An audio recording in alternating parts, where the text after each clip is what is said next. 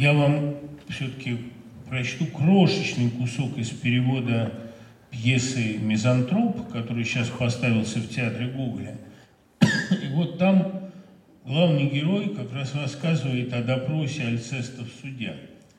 Ну, я вам доложу, покоя не минуты, он просто рехнутый, он просто звезданутый, упрямей двух ослов и злее двух горил. Судья их помирил, но что он говорил? Нет, ни Шемякин суд, ни высший, ни басманный еще не видывал такой разборки страны. Альцестом говорит, претензий как бы нет.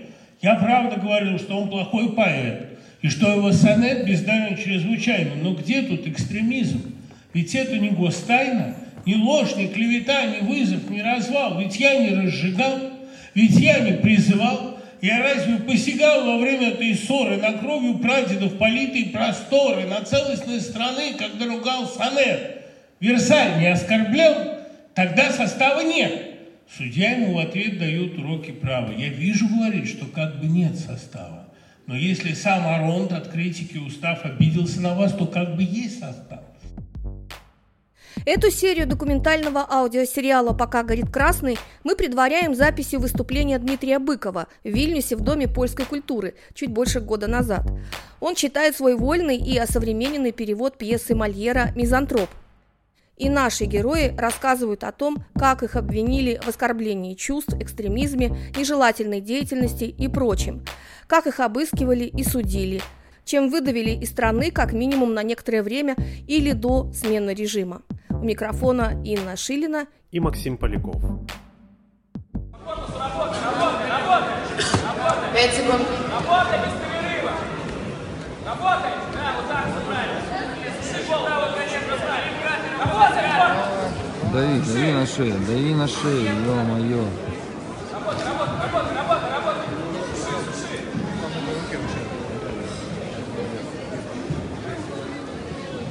Ну, дави, ну, только...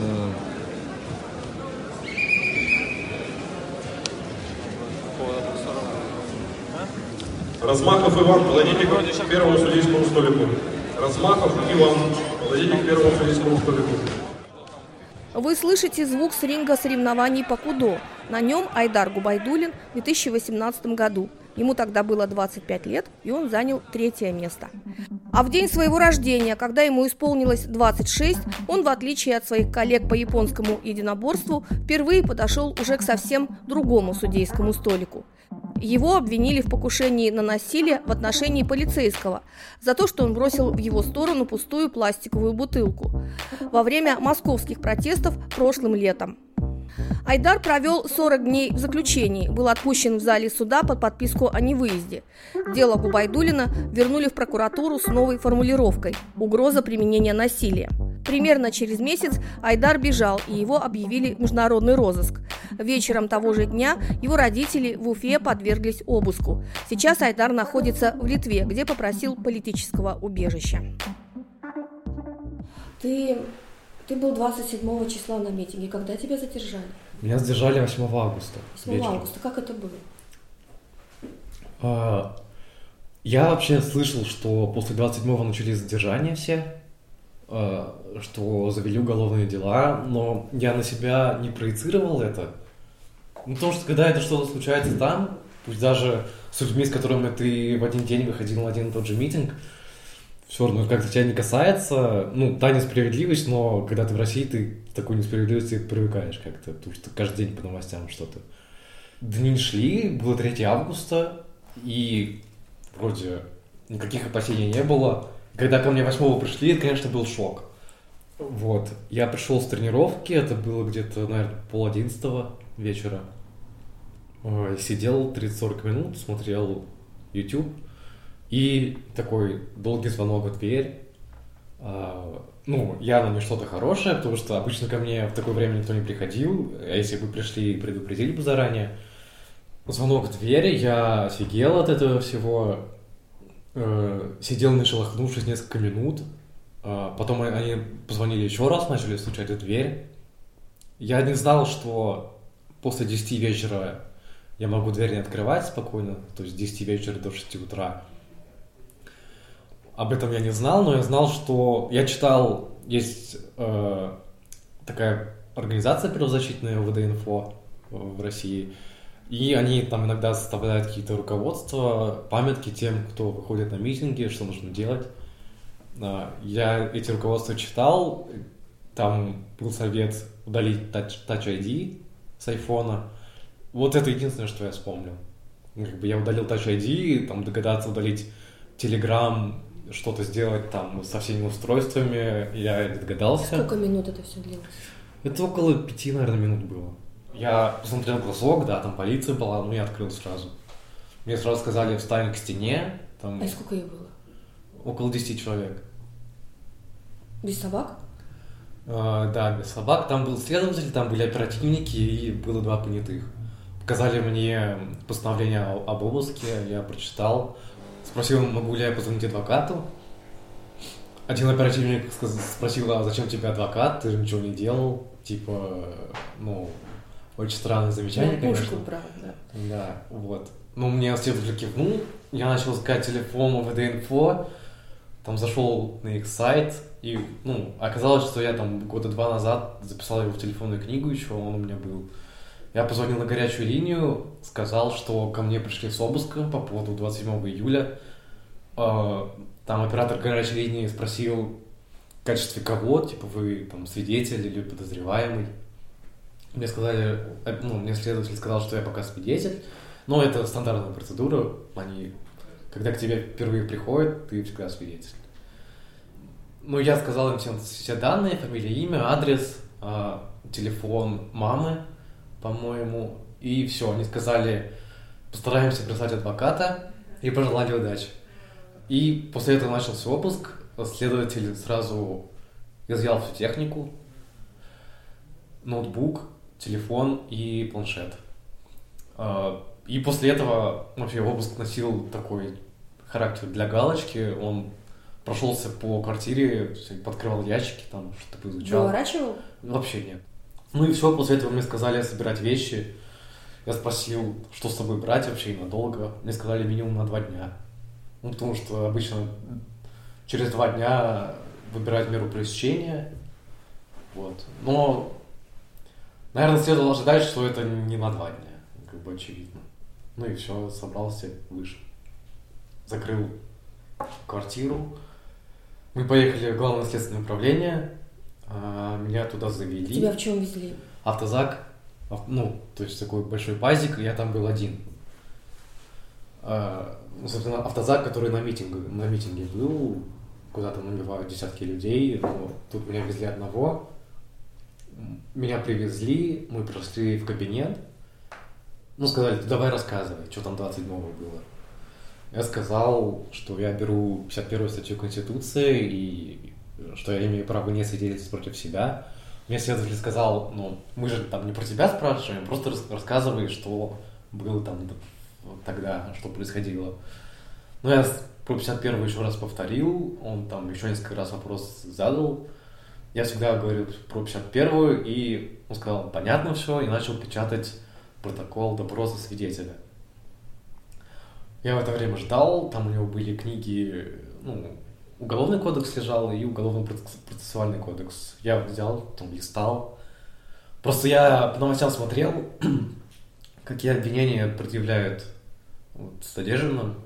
Там как раз были массовые беспорядки и насилие в отношении власти, ну, представителей власти. Почитал про эти статьи, там, чё- что мне грозило, примерно оценил. След- Следователь напечатал допро- протокол допроса, я- да- данные почитать. Говорит, вот, посмотри, если все правильно, подпиши. Там на одной странице были личные данные, на второй странице было, было указано, что мне раз- разъяснены мои права. И, собственно, протокол, там была такая формулировка «От дачи показаний отказываюсь согласно статье Конституции 51». Я им сказал, что я такого не говорил. Ну, вообще, это очень опасная формулировка, что когда ты свидетель, ты не можешь отказываться от дачи показаний. Формулировать это нужно, желая воспользоваться правом, которое мне гарантирует статья Конституции номер 51. Вот. Э, Я сказал, я такого не говорил, я это подписывать не буду. И мне не разъяснены мои права, я это тоже не буду подписывать. Он мне это забрал, убрал ящик стола и сказал, будем ждать адвоката, значит. Потом он спросил, куда я звонил. Я сказал, что есть организация ВДНФО. Он нашел сам в интернете телефон горячей линии, позвонил им, сказал, вот вам тут некоторое время назад звонил Губайдулин, вот он, он у меня, адвокат от вас будет или нет? И те уже спросили, он типа подозреваемый, следователь говорит, да, подозреваемый. И они сказали, все, ждите адвоката, и мы около часа ждали адвоката. Потом он приехал, он надиктовал мне все показания, которые нужно было именно вот формулировки. Я это все записал, и после этого меня увезли в изолятор временного содержания. Это уже совсем глубокой ночью. Это было где-то 4 утра, наверное. М. Ну и все, после этого я попал в камеру, я там был один. Ну, камера как камера. Я, в принципе, никогда в таких местах не был. Ну, посмотрел. Там были одноразовые простыни, ну, постелил, пытался там уснуть. Не мог уснуть. Почему не мог? Ну, волновался, потому что... Потому что ни разу еще не сказал про свои ощущения, чувства, поэтому... Ну, потому что, конечно, тебя трясет. То есть меня трясло там вот с момента, как э, в мою дверь позвонили, а, ну, наверное, через минут 30 как-то уже начал приходить в себя, как-то себя взял руки. Но все равно, это, конечно, шок. И вот этот шок был, наверное, первые несколько часов, потом начал уже спадать. Вот.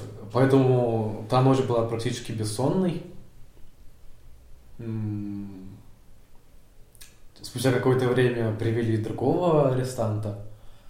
К тебе в камеру. Да, да, да. Мгм. Там, там вообще три места было, вот, и уже к утру все три места были заполнены.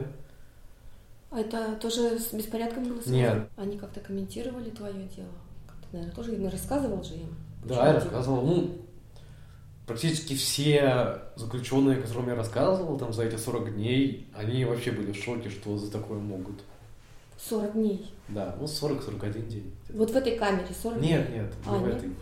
То есть, когда тебя задерживают, э, я не помню точно, на 48 часов или на 72 часа, если тебе в течение этого времени не избирают меру пресечения другую, тебя должны отпустить. А если, если тебе избирают меру пресечения, то ты в изоляторе можешь провести до 10 суток, потом тебя переводят в СИЗО. А, Ну, собственно, так и было. Я, по-моему, в первом ИВС я провел 9 дней. После этого меня перевели в СИЗО. Тебя навещали родители? Можно ли было навещать? Родители не навещали, они... Вот в ИВС точно нет, они приносили передачки. А, то есть там вообще нет такого понятия, как... э, Или нет, там для этого нужно запрашивать разрешение то ли у следователя, то ли у судьи. Но пока дело у следователя, наверное, у следователя уже запрашивают. Я уж не знаю, что там было, но, наверное, им не разрешили. А звонить можно? Звонить тоже нельзя. Когда тебя приводят в СИЗО, ты какое-то время проводишь на карантине, администрация смотрит за твоим поведением, там болеешь ты чем-то или нет, как ты себя ведешь с другими заключенными и с э, работниками. Э, и потом через это, через 10 дней, или может быстрее, происходит комиссия, где смотрят там, за какую статью ты тебя взяли, как ты себя вел в течение этих 10 дней. И они решают, в какую камеру тебя определить. Быва- Бывали случаи, например, когда они здорового человека помещают в камеру там, к ВИЧ больным или больным гепатитом, туберкулезом, чтобы там выбить какие-то показания, не знаю. Ну, то есть со мной ничего подобного не было. Они посмотрели, что я, я себя нормально вел, что у меня ста- статья такая политическая, и поместили в камеру с, ну, практически в спецблок. Не знаю, там вообще атмосфера была как в студенческом общежитии. То есть там особо ничего не позволялось, а, но и никто особо из администрации тоже себе ничего не позволял. Ты общался или вот ты сидел и думал? Ну, общался, конечно. То есть в ВС ты общаешься, там... Ну вот в эту первую ночь мы познакомились, там каждый сказал, за что его взяли. Потом меня на следующий день где-то, наверное, в обед повезли в суд, чтобы на избрание меры пресечения. После суда меня перевели в другую камеру в этом ИВС. Вот. Ну и там тоже люди довольно часто сменялись. Ну, со всеми ты разговариваешь, у всех спрашиваешь, кто чем занимался в жизни, за что их взяли, посадили. Разговоре также участвует фотожурналист Артурас Морозовас. Были еще политзаключенных таких. Хотя мы по одному политическому делу проходим, но у нас разные уголовные дела. То есть мы не подельники, мы ну, в делах друг друга вообще никак не фигурируем. Тем не менее, нас разные камеры посадили. Всех. То есть там был я, Сергей Фомин и Данила Беглец. Данил Беглец. Вот, нас всех по разным камерам посадили. Ну вот все-таки, знаешь, вот ты был 27-го на, на акции, да? Да. А 8-го за тобой пришли. Да. Ты еще 3-го сходил. У тебя с 27 по 8 было какое-то ощущение, что тебя за что-то могут взять? Были такие опасения, конечно, но я думал, вот там же Евгений Коваленко практически сразу после того, как он бросил урну, то есть там вот, вот весь этот эпизод произошел а, на Лубянке около детского мира, когда Росгвардия начала избивать людей дубинками, люди начали реагировать на это. То есть кто-то кидал бутылки, Евгений Коваленко бросил урну. А, Если там видео посмотреть, его сразу после этого сотрудник задержал, А это была какая-то алюминиевая, легкая. ну да, а это была урна из какого-то металла, но я бы не сказал, что она была тяжелая.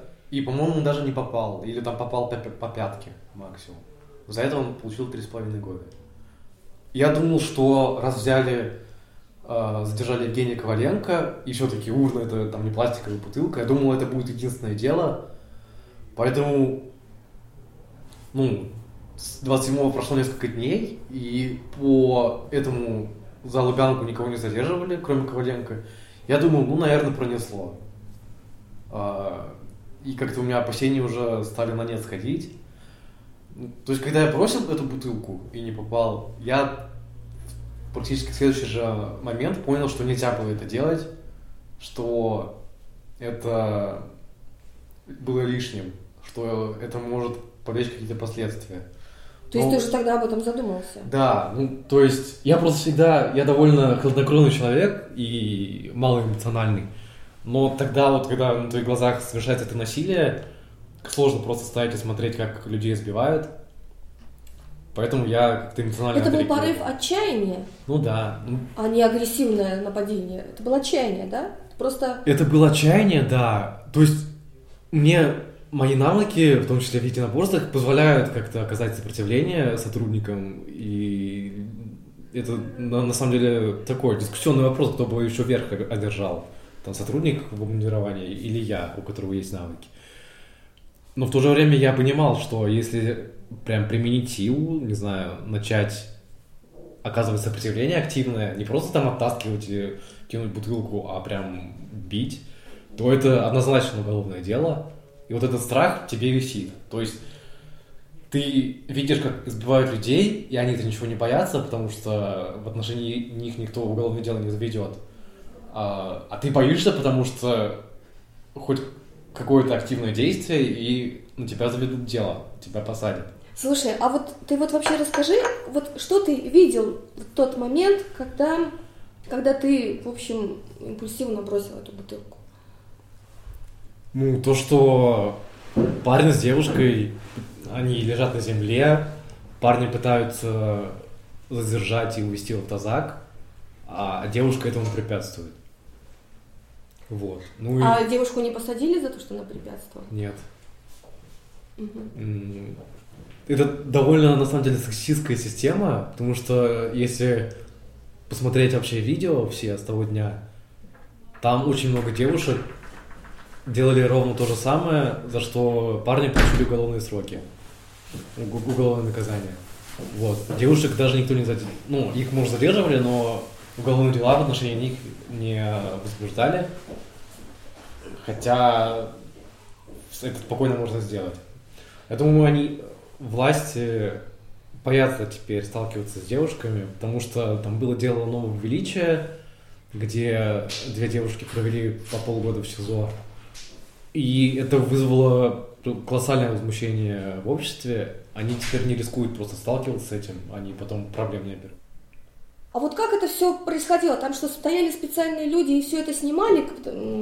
Потому что вот как тебя потом задержали? То есть а, во-первых, а, вот на сайте дело212.ру есть а, раздел с материалами, и мы там опубликовали страницу с видео. Там прям, можно сказать, покадровый разбор этого всего эпизода с надписями «Кто есть кто». Да, там, конечно, среди толпы людей, там в основном, не знаю, процентов 99, наверное, это обычные люди, обычные митингующие, но среди них всегда есть сотрудники в штатском. То есть там был сотрудник в штатском, именно оперативник, который задержал Коваленко сразу после броска. То есть он был в непосредственной близости, как только Коваленко бросил урну, он за ним погнался его задержал. Потом там были люди, которые якобы просто снимали для себя, но это тоже были сотрудники, потом, потому что потом их э, видеозаписи были использованы как вещественные доказательства в том числе и в моем деле. Там были люди с пресс-картой и в жилетке, в ярко-зеленой жилетке журналиста, ну, как оказалось, это тоже сотрудники были. Ну, то есть не все люди в жилетках и с пресс-картами это сотрудники, но среди них были люди, которые снимали на видео все события, и потом все эти видеозаписи использовались как доказательства. Вот. То есть в толпе людей всегда есть сотрудники, причем у них там разные функции, кто-то это фиксирует на видео, кто-то контролирует ситуацию и там в случае чего подключается, начинает задерживать людей. Кто-то говорит, кто-то, например, находится в толпе, кто-то находится в толпе митингующих, когда идут росгвардейцы, он пальцем говорит, кого задерживать, показывает, и этого человека потом задерживают. Ну, когда ты находишься в толпе людей, ты не можешь с уверенностью сказать, что вокруг тебя такие же люди, как ты, среди них всегда есть человек, э, который там не с такими же намерениями, как обычный человек. Ну вот ты сидел 40 дней, да? Да. И тебе уже говорили, какие у тебя перспективы, и что ты по этому поводу думал? Прогнозы давать, ну, это очень сложно. Ну, можно дать прогноз, а на следующий день кто-то там во власти примет решение закрыть дело, и тебя отпустят. А ну, как... морально я готовился, что получу 2-3 года реального срока. И тебя отпускают под подписку о да. невыезде. Это произошло почему? Наверное, тут несколько факторов, и я не знаю, какой из этих факторов определяющий. А, была в те дни была волна по Павлу Втинову, когда а, начали раскручивать историю о том, что он актер, начали подключаться актеры, всякие деятели искусства, начали записывать видео там в поддержку, начали выходить на пикеты. Это была колоссальная волна общественного возмущения, и я под эту волну тоже попал. И то, то есть, ну, есть предположение, что меня за компанию отпустили. Вот. Тебя отпустили, ты вышел из СИЗО или да, или как там это? Ну, это, то есть 18 сентября был суд. Угу. А, как только заседание началось, судья спросила у сторон, есть ли какие-то ходатайства, и прокурор сказал, что мы ходатайствуем о том, чтобы вернуть дело в прокуратуру. Вот, и изменить меру пресечения на подписку о невыезде. И для меня это был такой же сюрприз, как и для всех присутствующих, как и для моих адвокатов и для родителей. Они были там, в зале, да? Да. Ну, то есть тогда там был полностью заполненный зал. В основном это были люди, которых я не знал. А брат был? Был брат, была мама, было два моих адвоката, ну, были друзья. И кроме них были незнакомые люди совершенно. А тебя отпустили прямо из зала суда? Да, да. И ты поехал домой с родителями уже, их братом? Да, я поехал домой. Они тебя ждали, да? Ну, они ждали меня на выходе из суда, там была толпа журналистов, была толпа, э, ну, просто неравнодушных людей, которые были на заседании. Вот. Я там пообщался, дал интервью, потом мы поехали ко мне домой, ну и друзья поехали тоже. Вот там было ну, такое небольшое застолье. Мария Матузная попала в историю как активный пользователь социальных сетей. Сама оцениваешь это как а, ну, смелость или безрассудность, или как так эмоции? Э, до того, как со мной все это произошло, вот именно момент допроса, вот этого всего, я очень боялась полицейских, я очень боялась всего. Когда ко мне пришли, сказали, что на меня какие-то фирмы завели, я там просто ревела полдня, думала, все, мне капец. Но после того, как вот именно после того дня с допросом, со всем этим, как меня жестко обманули, когда мне еще карты заблокировали, мне сказала следователь, что да, там они сейчас проверят, все, там тебя через неделю разблокируют. Ну, конечно, блин. Я не знала, что такое список экстремистов. То есть меня просто как дурочку обвели вокруг пальца, и меня это настолько разозлило, что у меня с того момента просто атрофировалось чувство страха перед ними. Мария Матузная опубликовала на своей странице ВКонтакте несколько демотиваторов, которые и легли в основу ее уголовного дела об экстремизме. Следователь утверждал, что некоторые картинки, например, оскорбляют чувства верующих по две картинки на каждую статью было. Первое, вот, которая по экстремизму, там были две... Э, ну, сейчас называется это мемы просто. То есть там не было каких-то призывов, ничего, просто шутки про темнокожих. А по скринчеств верующих там э, на одной картинке был Иисус, где, где он выдыхал дым через стигмату на руке, а на второй крестный ход по разбитой дороге вот, с, под, с подписью «Две главные беды России». Расскажите про этот день. Я, так, я насколько помню, это же утром к вам угу. пришли. Ну, они все, наверное, утром приходят. Вот, ну, блин, это на самом деле так как-то все так сложилось, до сих пор, когда вспоминаю, это как будто, ну, какая-то роковая вот случайность на случайности. Э, у меня мама потеряла там за два дня до этого ключи от дома. И она, когда уходила на работу, она не закрывала дверь за собой. И обычно она уходит, там, не знаю, в полдесятого, например. А в этот день она ушла в 8 утра, потому что ей там куда-то нужно было. И вот если бы она не ушла на работу в 8 утра, то есть она была дома, когда ко мне пришли, там, она могла бы кому-то позвонить. Но все вот именно сложилось так, каждая вот эта мелочь, что все получилось, так получилось. В общем, э, я проснулась того, что очень сильно стучат в дверь, я открыла, они вымились, вообще там меня в сторону смахнули. Показали просто так из своей руки постановление на обыск, и я с просони вообще ничего не могла понять. Я думала, это какой-то пранк, если честно. И я увидела только там оскорбление негроидной расы и ID своей страницы ВКонтакте, старой, которую я удалила еще там за полгода до этого, ну не полгода, ну там, не знаю, пять месяцев, может, до этого. Э, я об этом сказала следователю, говорю, типа, что, ну, так, потом я узнала, что следователь, там было вообще по итогу три оперуполномоченных, двое понятых и следователь. Она сказала, ну, блин, все равно будешь нести ответственность. Сначала вот у меня что-то в голове взыграло, там, какой-то инстинкт, что, типа, ничего не подписывать. Мне говорят, вот это постановление подписываю, говорю, я не буду подписывать. Они начали психовать, я тоже начала как-то грубо с ними общаться, шутить там что-то, типа, я правда уже не по... А, то, что про негротную расу, я шутила, что, типа, блин, вы же, наоборот, американцев ненавидеть должны, там много службы на своей, что-то такое, короче. Телефон мне забрали сразу, сказали, причем поставить на авиарежим, то есть, чтобы мне тоже никто не мог позвонить. И начали уже обыск, ну, там, ну, обыск такой был чисто номинальный, то есть, там что-то повытряхивали шкафы, так для виду как бы точно там ничего особо не, искали. Вот, компьютер сразу отсоединили. Uh, потом еще помню, что у меня духи такие были в капсуле 212 VIP. Они пытались их тоже что-то вскрыть, короче, там думали, что там, наверное, флешки какие-то, не знаю. Вот, я в последний момент уже сказала, пожалуйста, не трогайте эти духи. Они сказали, попшикай, я попшикала. И повезли потом на допрос. Вот, ну дальше просто мы приехали вот это дело, они мне там включили комп, показали картинки, причем картинки там были только про священнослужителей, ну, в общем, про религию. И я подумала сразу, что у меня оскорбление чувств верующих, я не удивилась, потому что я реально там кучу картинок таких сохраняла, как бы, я такая, ну, окей, типа, я знала про эту статью, ну, типа, понятно. Когда все это происходило, у меня не было ни адвоката, никого, то есть там было два опера, один постоянно предлагал там водички, покурить меня водил, еще что-то, а другой на меня прям, ну, типа, наседал очень жестко. Вот, просто как, не знаю, в американских фильмах тут фигня с хорошим плохим полицейским. И он сказал, что если я подпишу сейчас явку с повинной, то у меня не будет судимости, я, типа, похожу там на благо города, не знаю, бордюры покрашу, там, деревья, травку покашу, что-то такое. Ну, в общем, честная работа. И все, как бы, я еще уточнила несколько раз, говорю, это, типа, правда не судимость? Что, ну, я настолько не разбиралась вообще во всем этом. Он такой, да, правда. Я говорю, ну, хорошо, типа, что делать-то, как бы допрыгалась, ладно. Все, я по диктовку под их написала все от руки. Ну и все. И когда я уже это подписала, позвонил с, вот этот один из оперов э, следователю, как потом я уже узнала, сказал, все, типа, ну, все готово, типа, приходите.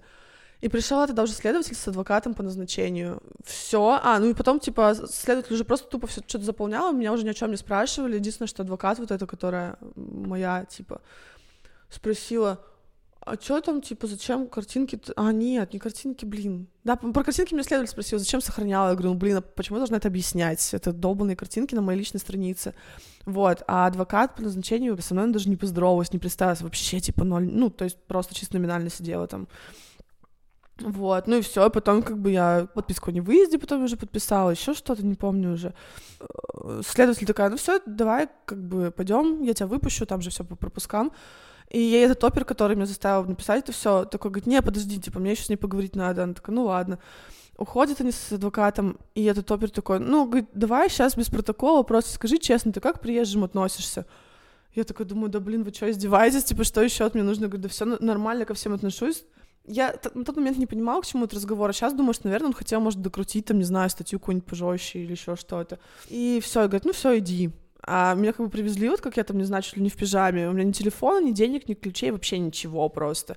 Там благо это по счастливому стечению обстоятельств мамина работа рядом находилась, вот, я пешком до нее дошла, и там уже все там разревелось, короче, и все, началась уже истерика. Скажи, а э, было в этот день, в какой-то момент страшно? Ну, вот прям чтобы... Мне стало страшно, когда я после того, там уже после мамы, я встретилась со своим другом, который юрист, и рассказывая ему разговор, все, что мне говорили, мы постепенно пришли к выводу, что у меня никакое не оскорбление чувств верующих, потому что срок мне называли до пяти лет или до шести, до пяти, да, от двух до пяти что-то такое мне говорили.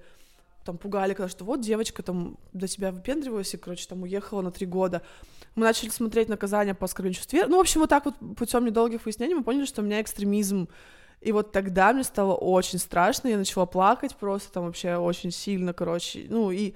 А на следующий день был выходной, 9 мая, я не могла поехать уже туда, там, выяснить что-то. Вот весь следующий день я вообще просто в каком-то непонятном астрале находилась, потому что я не знала, что как, не могла этого узнать, и было очень страшно. Я понимаю, что мама, мама, это всегда мама и так далее. Ну, как бы иногда бывают мамы разные. Твоя как отре... ну, вообще на вот эту всю историю реагировала? Ну, сначала, вот прям первые эти моменты, когда я к ней пришла на работу, началась этот рассказ, она начала там, вот, а зачем ты сохраняла эти картинки, вот, я тебе говорила, да, ну, как вот что-то такое. А потом уже, когда, видимо, ну, тоже у нее прошло первое вот это вот осознание, принятие, она, когда все поняла, начала, конечно, там за меня сразу же там давай искать адвоката, давай то, да все.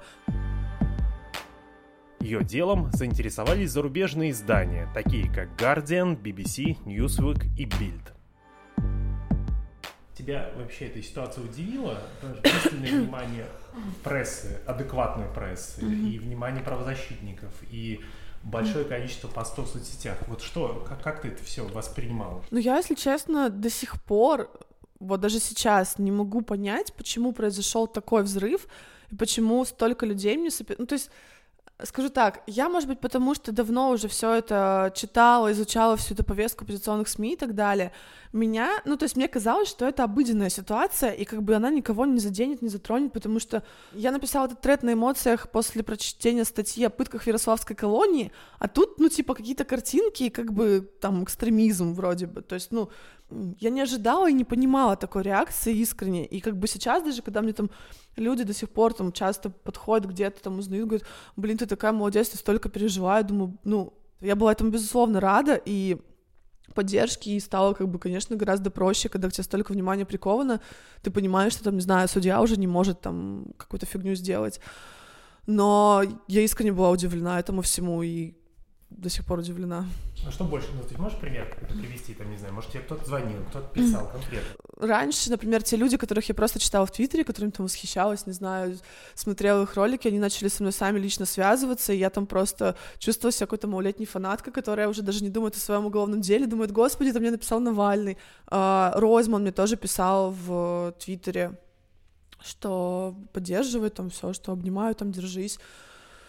Вот. Ну, из таких вот, наверное, прям самых ярких, это вот самый первый, что потом уже как бы просто было очень много всего, там, не знаю, Оксимирон, когда тоже написал там пост огромный, я просто, ну, не то что в шоке, это правда сложно написать. Ну, ко мне на суд приезжал последний суд как раз рэпер Хаски. Я его очень давно слушала, я была просто вообще в шоке. То есть это не просто там где-то в интернете кто-то написал, он просто прям взял, приехал ко мне на суд на последний, просто чтобы поддержать. На первом заседании суда Матузная отказалась от признательных показаний, пояснив тем, что давала их под давлением полицейских. После шестого заседания суда дело Марии Матузной вернули прокурору. Тогда депутаты Госдумы и общественные деятели начали обсуждать частичную декриминализацию статей, по которым суд мог отправить человека в тюрьму за мемы. Матузная решила не дожидаться принятия поправок и уехала из страны. Я уехать сначала, изначально еще хотела, вот когда только все это мы поняли, когда я съездила за копиями, когда узнала какие мне статьи, когда поняла всю серьезность, а, я не рассчитывала на то, что там дальше будет. Я думала, ну все, капец, как бы зачем мне такое будущее, зачем мне судимости, даже если условные в России, как бы по судам по этим. Я собиралась уехать, и мама сразу же сказала, да, конечно, давай я куплю тебе билеты, я там тебе все сделаю, там я все понимаю. Вот, хотя там мама вообще без меня не может, но готова была меня отправить там на другой конец света, только бы там все хорошо было. Последний суд, конечно, тоже меня вообще шокировал, потому что там вернули дело в прокуратуру, вот, и все прям такие радостные. Ну, блин, это, короче, были очень крутые эмоции, потому что я в тот момент уже точно знала, что я уеду, потому что я, ну, не верила вот этому возвращению в прокуратуру, все такое, потому что, господи, пыль в глаза все умеют пустить. Но все равно все так радовались, именно все люди, которые меня поддерживали, они восприняли это как свою личную победу, э, победу там гражданского общества, что вот мы ее поддерживали, и вот так все закончилось. Когда поправки приняли, уголовное дело Марии было прекращено. Ей разблокировали карты, а позже суд присудил ей 100 тысяч рублей компенсации. Мария вернулась в Россию. Легите на пол, вы что делаете, шутим с вами?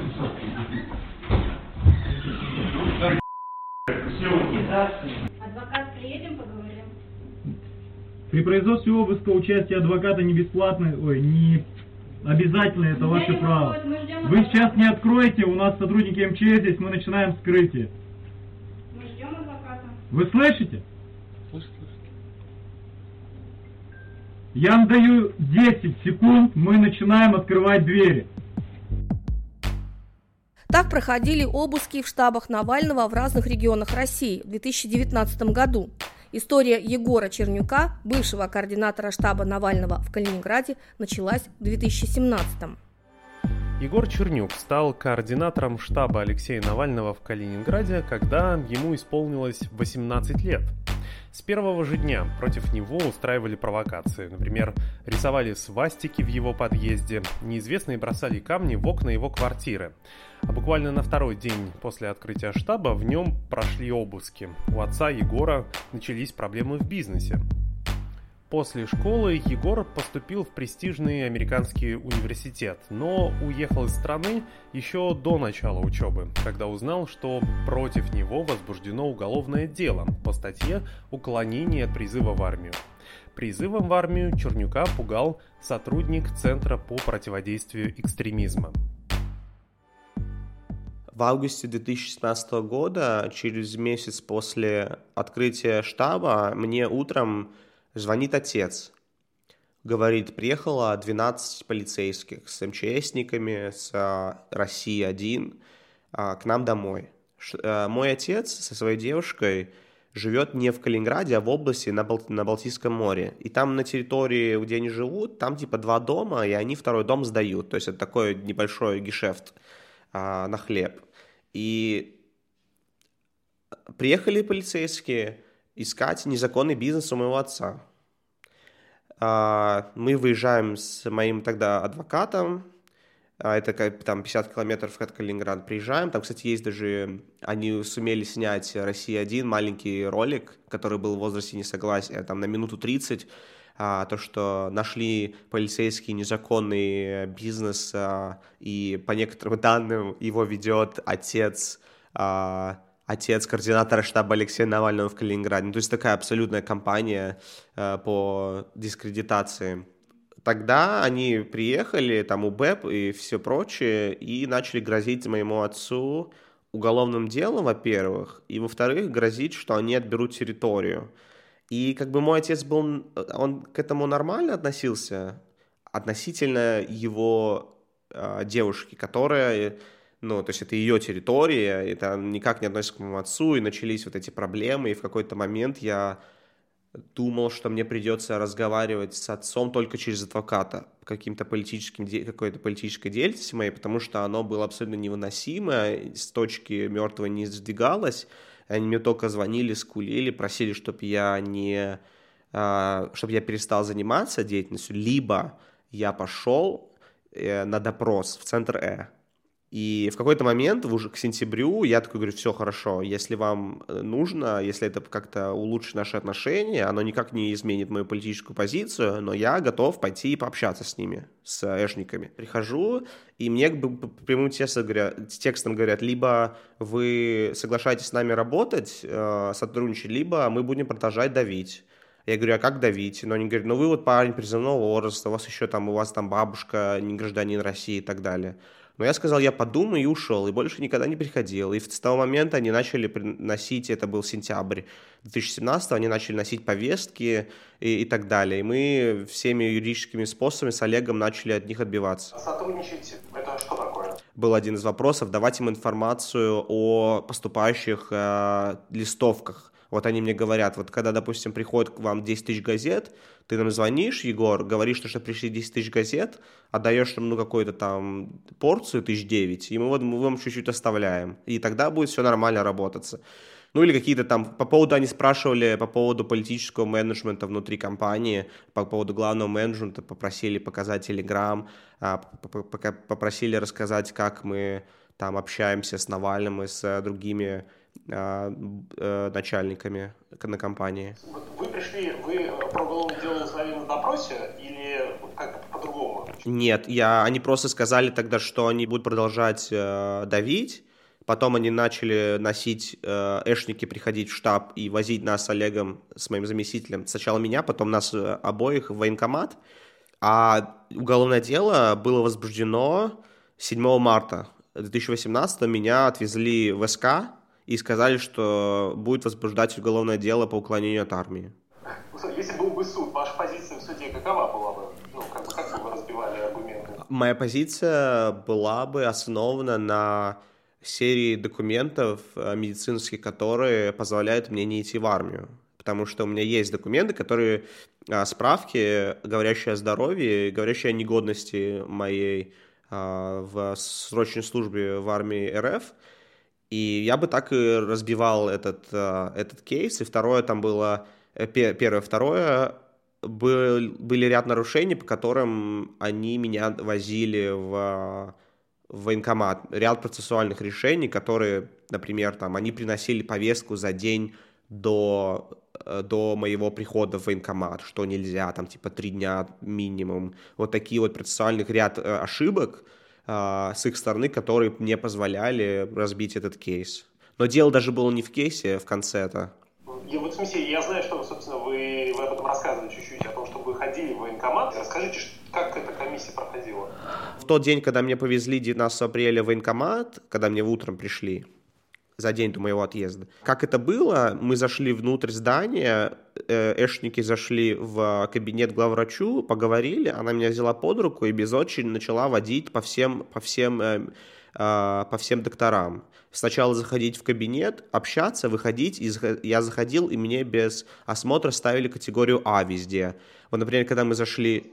Категория А — это самая высокая категория годности в армии.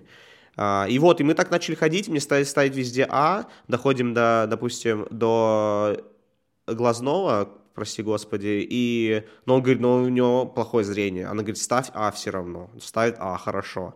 Ну и в конце, когда мы дошли до психиатра, и у меня спросили, есть ли у вас какие-то проблемы. Я говорю, ну вот смотрите, мне кирпичи кидают э, по понедельникам в окна, я, на меня нападали с ножами, мне сложно просыпаться. И я вот веду такую активную политическую оппозиционную деятельность, что, ну, наверное, могло бы сложиться на моем здоровье.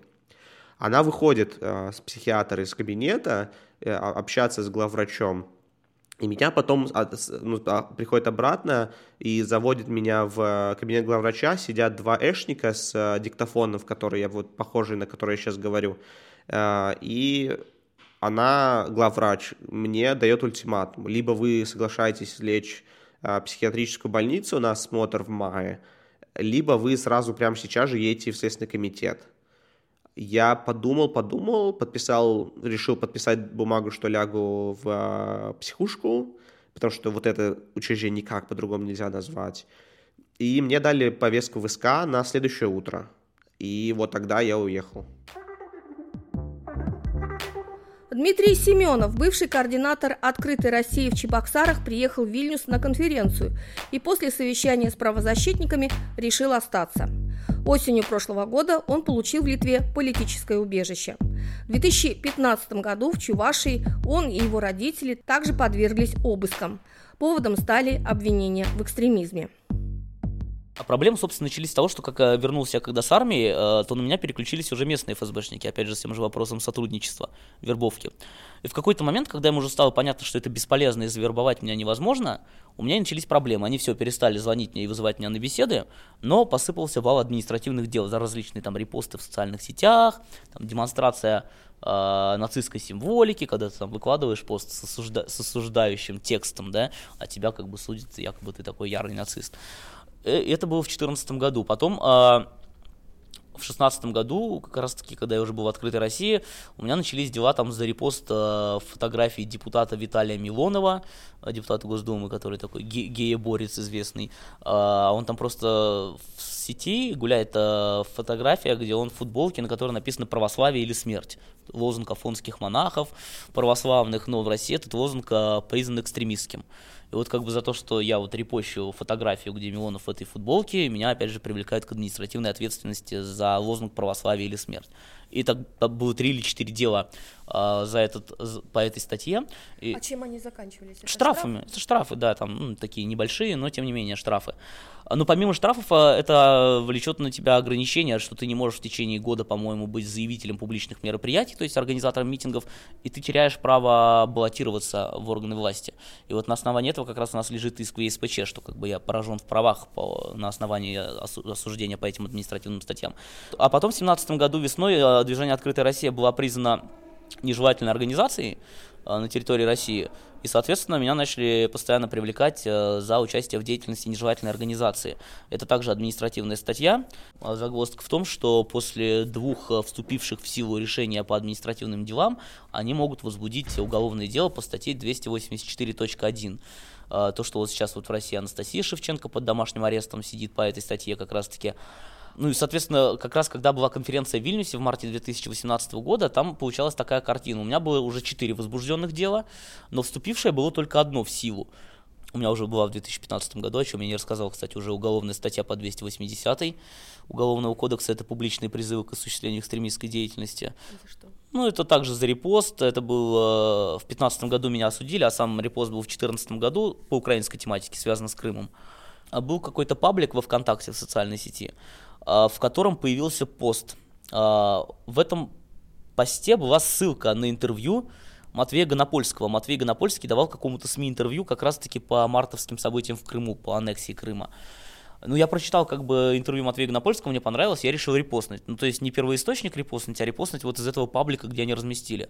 Но администраторы этого паблика зачем-то к этому своему посту прикрепили фотографию, где был коллаж, э, такой демотиватор на Дмитрия Медведева, где он там в папахе, там на фоне флага с арабской вязью, и на этом демотиваторе написано «Смерть русской гадине». Я вот потом, когда завели уголовное дело, я не понимал, в чем смысл, зачем они эту картинку прикрепили, но так как я репостнул с их паблика, то эта картинка перешла тоже ко мне. И вот эта вот «Смерть русской гадине» послужила как бы основанием э, возбуждения уголовного дела. А плюс в тот же момент я еще писал заявление в Следственный комитет на одного жителя Чувашии, который добровольцем воевал за ДНР. Описал я ровно потому, что как раз э, э, появилась э, в социальных сетях его фотография, где он стоит на фоне сбитого малазийского Боинга с автоматом, и где вот это вот мародерство, где они вот эти вот кружки там и прочие личные вещи забирали себе. Я написал, как бы, чтобы его привлекли за наемничество и за мародерство. Соответственно, его, конечно же, не привлекли, а на меня завели уголовное дело. А, и причем свидетелем, а, одним из свидетелей обвинения по уголовному делу выступал человек, который как раз-таки знакомый вот этого человека, на которого я написал заявление. Ну, то есть это вот ряд факторов, почему они решили завести, видимо, отместка, что ты не хочешь с нами сотрудничать, плюс ты еще тут, ага, еще заявление написал, раскручиваешь эту историю там, да, вот, ну и как бы вот на тебе получи. Ну и, соответственно, поэтому, если бы на меня завели уголовное дело уже за открытую Россию, там, да, в 17-18 году, то там, если Анастасия Шевченко она мать-одиночка, у нее там трое несовершеннолетних детей были, да, ей дали домашний арест, то мне, конечно же, бы дали сразу СИЗО, учитывая, что у меня в 15-м уже была по статье из той же серии уголовка, то есть это уже такой бы был как бы а, рецидив. Вот, ну и поэтому, как бы, я считаю, что правильно абсолютно было решение, что я уехал, ну, что я, вер... точнее, не вернулся в Россию. А что бы вам грозило? Там чего-то там до 5 до 6 лет там, по максимуму. Максимальный. Но прокурор просил оштрафовать меня на 200 тысяч рублей. Что как бы при моей зарплате тогда в 25 тысяч было как бы очень весомой суммой. Угу. А вам вообще приходилось когда-нибудь сидеть? Ну, 15 там. Нет, кстати, вот нет. Я всегда как-то все мои административные вот эти вот э, привлечения, они всегда заканчивались штрафами, а уголовное по 280 оно закончилось тоже штрафом, ну, правда, крупным уже уголовным, но даже его мне платить не пришлось, потому что тогда я попал под амнистию, которая в 15 году как раз была приурочена к юбилею, к юбилею победы в Великой Отечественной войне. А бывший координатор «Открытой России» в Тюмени Антон Михальчук теперь скитается по миру. Первый раз они э, осудили меня за то, что мы провели правозащитный семинар. Как вести себя при задержании с полицией. А участники у нас были спикеры, московские правозащитники были. На семинаре было очень много тюменцев, достаточно. Вот. И потом сидящие в зале. Много ли? Много людей было, да. Примерно сколько? Я думаю, человек 40-50. Но по меркам э, тюменской активности это много. Ну, я понимаю, да. А, итак, а, значит, вы провели это мероприятие и вас оштрафовали. Да, меня оштрафовали через три месяца, назначив мне штраф в 10 тысяч рублей. И дальше?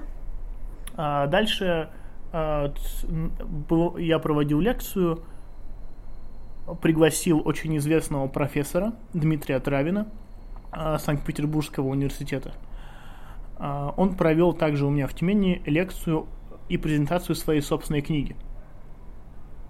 Какой? А, а просуществует ли путинская система до 2040, 2042 года? За проведение этой лекции мне тоже назначили штраф. Тоже 10 тысяч рублей. Третьим э, поводом, который стал основанием для возбуждения уголовного дела, это стала организация лекций по прямой линии, ну то есть онлайн, э, с Михаилом Борисовичем Ходорковским. Это была закрытая абсолютно лекция, там было, может быть, человек 10. И вот скажите, вас, в общем, вам предъявили обвинение уголовной статье. И что дальше произошло? Вот если так чуть-чуть хронолизи... угу. хронологию. Угу. Это было э, очень, э, это было ожидаемо, но никто тогда еще, но все ставили ставки о том, что они не заведут дело по этой статье. То есть не было таких прецедентов в России. И однажды прокурор, нет, помощник э, городского прокурора вызвал меня к себе и сказал, что Антон Сергеевич, вы мне больше не интересны в рамках административных дел. Вот папочка, которую я передаю теперь в Следственный комитет. То есть на вас возбуждается уголовное дело. Если бы он это мне не сказал, а он не должен был это говорить, это, мне кажется, просто была глупость с его стороны, о том, что меня что-то предупреждал меня, вызывал к себе, а, э, то я бы и не узнал о возбуждении дела. До этого э, были э, очевидные признаки, это там слежка возле дома, это понятная прослушка, то есть все, что ты говоришь по телефону, все это потом ложится в различные материалы, там, переписок уголовных, ну, впоследствии в, в материалах дела это все было. Ну, то есть очень много всего. Вот, и тогда я принял решение пока выехать из Тюмени в Москву и уже потом из Москвы я принял решение о том, что надо, наверное, выехать пока из России. Я столкнулся с тем, что никто всерьез не воспринял а, мое предположение о возбуждении уголовного дела. То есть э, никто, у меня не было действительно никаких там как документальных доказательств этого, о том, что уголовное дело возбуждается. Поэтому показать что-то правозащитникам я не мог. И все это осталось на словах. А, кто-то из коллег поддерживал меня, говорил о том, что лучше уехать. Кто-то говорил о том, что ну зачем тебе уезжать, ничего не будет, все будет хорошо. И 13 января я улетел в Париж. Да, и там начинаю наблюдать о том, что происходит оттуда, в России. И через 10 дней после моего отъезда начинаются обыски и арестовывают Анастасию Шевченко по этому же делу. Мгм. Ну и тут мне становится понятно, что все это серьезно. И о том, что возвращаться пока никакого не имеет смысла, потому что меня арестуют точно так же, как ее. Следующая история относится к болотному делу. Мне в 7 утра завалились 5 или 6 человек, э, достали меня из кровати, вот, я сказала, заходите, пожалуйста, что вы хотите, чай или кофе. Вот страха я не припомню. Мне все время в таких ситуациях все время кажется, что это какое-то кино про какой-то бред, который просто можно так немножко из себя выйти и с попкорном рядом постоять, посмотреть. Говорит Анна Ривина, директор Центра «Насилию нет». Ривину допрашивали в Следственном комитете, после чего она решила на время уехать в Израиль. У меня так получилось, что я вообще во время болотной не была в Москве. Вот, но я тогда дружила близко с э, разными людьми, которые были активно вовлечены в этот политический активизм, в том числе я дружила с Костей Лебедевым, которого потом впоследствии обвинили в том, что он там предатель, враг народа, э, предал э, Удальцова и Развожаева, его посадили, выпустили. Вот, в общем, мне, естественно, все это было неизвестно, и как-то, ну, тогда я даже, честно говоря, не очень поняла, за что мне прилетело. В итоге, э, я, я знаю ответ, но в итоге ты, э, статус твой какой был вот на тот период? Я была свидетелем со стороны обвинения, что не помешало им забрать у меня загранпаспорт и отдать мне его только через несколько недель. А всякие мой компьютер мне так и не отдали. После каких, э, в какой момент, после каких событий ты приняла решение, что так, ну, в смысле, там первая мысль, что надо уехать, ну вот и так далее. Что произошло? Или это была сумма факторов, или какое-то конкретное событие? Это была, конечно же, сумма факторов. У меня никогда не было мысли, что вот я там куда-то сбегаю. А, так получилось, что в тот период у меня бабушка с дедушкой переехали в Израиль. А потом получилось так, что дедушка периодически начал болеть, и я подумала, что, ну, как бы я правда не хочу тратить сейчас свою жизнь на абсолютно бессмысленное шляние по Следственному комитету и повторение, что я ничего не знаю. Я посмотрела разные программы в университетах, и я в итоге а, выиграла гранты и поехала в Тель-Авивский университет магистратуры по политологии. И, в общем-то, я туда приехала с конкретным делом. А, для меня было важно, что я могу там поддержать бабушку с дедушкой, и, в общем-то, мне хотелось немножко с какой-то дистанции посмотреть на то, что происходит в России, потому что, ну, уже тогда было понятно, что происходит что-то ненормальное. То есть то, что сейчас происходит, мы уже привыкли, как будто мы действительно живем в сумасшедшем доме. Там. В итоге следствие не предъявило ей никаких обвинений, и Анна решила вернуться в Россию. Продолжение документального аудиосериала «Пока горит красный» 12 марта.